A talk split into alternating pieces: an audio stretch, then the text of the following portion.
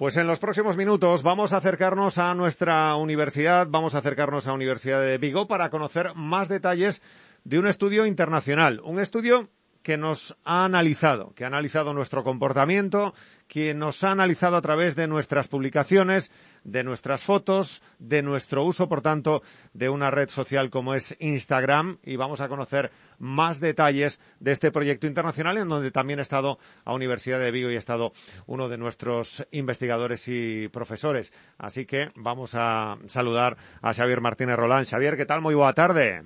Hola, que tal? Boas tardes. Bueno, e como foi eh, estudiarnos, como foi estudiar o noso comportamento neses tempos eh, iniciais pandémicos onde estábamos un pouco perdidos? Como foi esa, e eh, como xurde esta idea, Xavier? Bueno, a verdade é que mm, en realidad é bastante sinxelo, porque eu creo que mm, case todos os que están escoitando a radio han de ter a presencia en algunha rede social, Instagram é unha das, das redes que máis presencia e forza ten nestes momentos, eh, moitas veces non somos conscientes de que é unha é un ámbito, é unha, un foro máis público do que semella inicialmente. A idea en realidade pois surge de, de unha colaboración previa que existía entre os dous investigadores de España e os dous de Portugal, sí. perdón, de Brasil, que, que nos conocemos na Universidade de Aveiro. Eh, bueno, pois o fío desta dunha convocatoria que publicou o Ministerio de, de Saúde para estudiar pois, un pouco os efectos da, da COVID, uh -huh. eh, pues decidimos eh, presentarnos para analizar a, bueno, o impacto da COVID, pero desde un punto de vista da comunicación, vale, e centrándonos sobre todo nas, nas redes sociais. Claro. E ben, tuvemos bastante sorte porque foron de, de todas as propostas de comunicación seleccionadas só había tres e entre elas felizmente pois unha era nosa. Eh, comentabas unha cousa que chama a atención e que é verdade, eh, que non nos damos de conta eh, o impacto que ten realmente e o público que é todas as nosas actuacións e accións que facemos en Instagram ou en outra rede social. Ás veces ou non nos damos de conta ou non nos queremos dar de conta, non? Uf, eu creo que mm, un pouco as dúas, eh? eh pero sí, en realidade eh, é que a pegada que estamos deixando digital en, en redes sociais é increíble. E agora empezamos agora a alarmarnos un pouco co tema dos, dos datos que cedemos, eh, por, bueno, por escándalos como de Cambridge Analytica, a forza que, que parecen ter algunhas, algunhas redes e como Facebook utiliza os datos para rastrearnos e despois segmentarnos eh, publicidade moi afín aos nosos gustos. Eh, pero en realidad levamos xa como 15 anos, non? Cedando, cedendo os datos voluntariamente. Sí. E cando nos utilizamos produtos gratuitos, eh, o produto somos nós. Eso está clarísimo. Eh, Xavier, como foi o noso comportamento? Eh, pregunto tamén un pouco a dúbida. Foi semellante o comportamento ou hai eh, cambios ou diferencias sustanciais entre o que pode ser o comportamento en, en Brasil, en Sao Paulo, e eh, aquí en Galicia, na Coruña ou en Vigo? Vai, pois mira, o comportamento en realidade foi foi un pouco diferente. Vouche falar un pouco dos, dos macrodatos, sí. a perspectiva desde arriba, porque ao final o que fixemos foi recopilar algo máis de 100.000 publicacións. Eh, eh, por exemplo, o primeiro que, que atopamos é que pese a que os, as persoas castelanfalantes eh, son maioría, estamos falando de máis de 500 millóns en todo o mundo, eh, os falantes de portugués son prácticamente a, a metade, eh, en, en términos globais eh, o, o volume de aparicións de, de publicacións en Instagram en portugués é moi semellante ao de, o de castelán. Sí. E ademais, dentro de portugués son case todos da variante brasileira. Isto quere decir que Instagram en todo o mundo ten moita forza, pero en Brasil especialmente. É unha rede superpotente en Brasil, con moitísima forza, moito moito impacto, eh, e aínda que é certo que, bueno, pues en, en España tamén se detectaron eh, publicacións en Brasil foron foron moito máis. Sí que é certo que sí. desde o punto de vista de, de que temas é que, que se tratou había temas moi semellantes, non? Pois obviamente pode parecer perogrullo, pero ao final hai que constatalo empíricamente do que se falaba sobre todo era da cuarentena e desas uh -huh. primeiras nas primeiras semanas dese dese movimento de case de, de acción colectiva sí. de quédate en casa, non? Eh, creo que eh, reflicte moi ben o que agora visto con perspectiva foi como, como asumimos unha obrigatoriedade de forma voluntaria, pero hasta certo punto foi non diría ben recibida, pero sí que se sí que se sí que collemos a cuarentena con, con moitos folgos, non por así decirlo. Sí. Ahora mesmo, por exemplo, os resultados que estamos vendo eh, de unha captura que fixen de datos de un ano despois Ajá. foi que hai, hai moito cansazo, xa. Eso é verdade, non? Eso, eso notades nas publicacións. Iso, iso sí. efectivamente, eso, eso reflíctese eh, nas publicacións, ven no uso de, de algunhas palabras, non? Eh, pues, eh, ánimos, os aplausos, venga, forza, quédate en casa, que había ao principio, e agora xa non é o mesmo incluso no uso de emojis. Sí, é verdade. O uso de emojis é unha, é unha ferramenta eh, estupenda para, para analizar cuestións como análisis de, de sentimento. Uh -huh. Falas... No, eh, sí que vemos que a xente xa está cansada. Claro, cansada e, e tamén está cabreada. Eh, digo, por exemplo, en, en Brasil, en Galicia, en outros puntos tamén notades como ese, ese contexto tan largo tamén se manifesta nas redes ou non?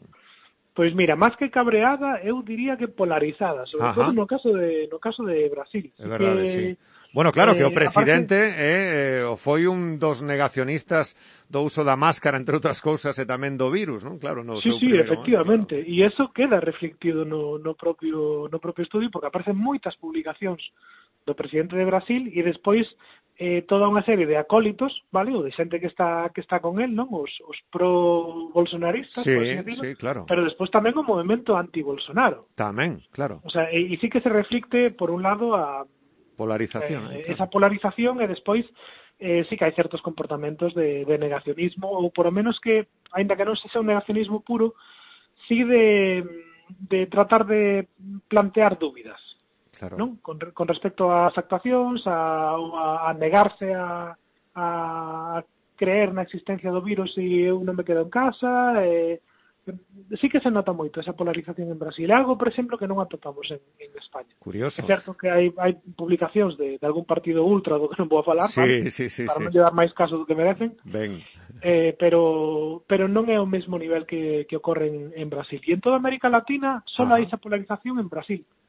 Curioso. É curioso, porque outros medios de, de outros países e outros perfis eh, con, con grandes influencers non teñen este nivel de de, de polarización que se atopa na Instagram esfera brasileira. Porque aquí neste estudo de 100.000 publicacións e fotografías, Xavier, pois estudiáchedes, ademais das persoas do día a día, as persoas normais, están pois deportistas, políticos, medios de comunicación en definitivos que poden denominarse entre aspas tamén influencers, non? Que poden ter certa eh, incidencia influencia aos seus comentarios, as súas publicacións no resto da sociedade, non? Claro, porque un dos, dos filtros que nos fixemos para cortar o número de publicacións, porque sairían moitas máis, sí. era o volume de interaccións. Evidentemente, quen ten máis volume de interaccións son aquelas persoas que teñen máis seguidores, pero bueno, é algo simple, cantos máis seguidores tes, máis probabilidades tes de que a túa mensaxe pois eh, teña interaccións ou que sexa amplificada.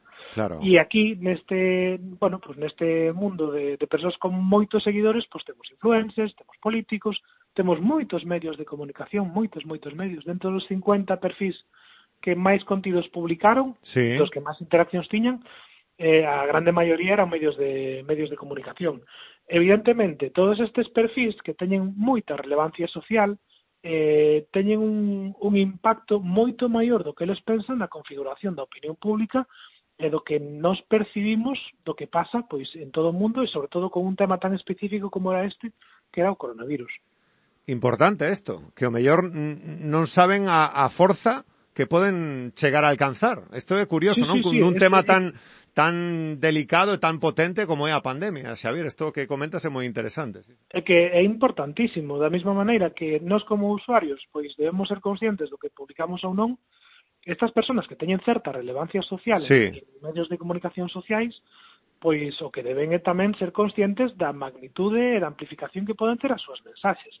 Isto é especialmente grave no caso de perfis que cuestionan abertamente pois eh, a, a validez das vacinas sí. ou a propia existencia do, do virus, que xa é demencial, vamos. Sí, sí, sí. O caso de Miguel Bosé en, en España é un dos máis importantes, Enrique Bumburi, etcétera, etcétera, pero eh, tamén aquí pois eh, se pode ver como, por exemplo, tivemos o pola contra eh, improvisadamente o efecto coronado, Xavier, non? Con, con esa mensaxe justo xusto despois de, de vacinarse o actor e o importante que foi nuns momentos no que había moito ruido co tema das vacinas, non? A, a importancia tamén que poidan ter eses mensaxes positivos nestes intres, non?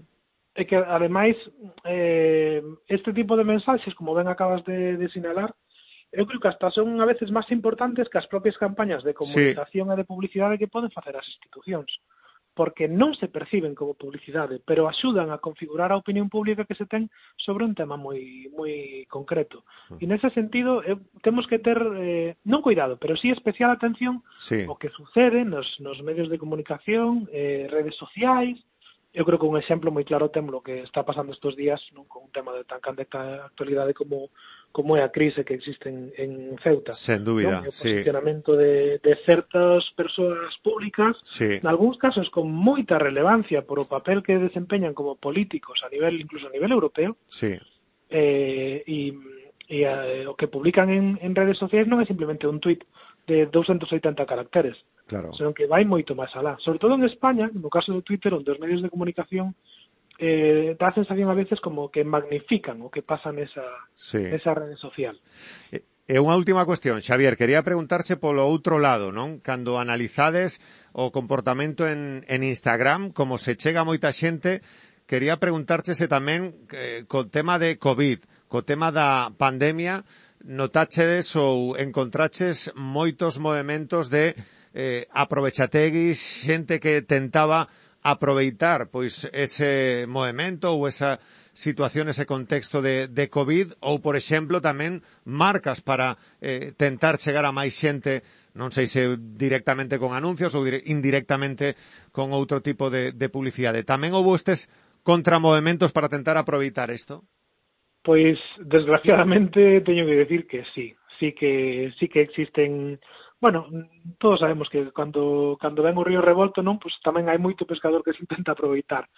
E neste caso, pois unha da, das vantaxes que nos ofrece a ferramenta que utilizamos, que se chama CrowdTangle, é que ao recopilar os datos pois tamén informa de que tipo de publicacións eh, foron suxeito de inversión publicitaria.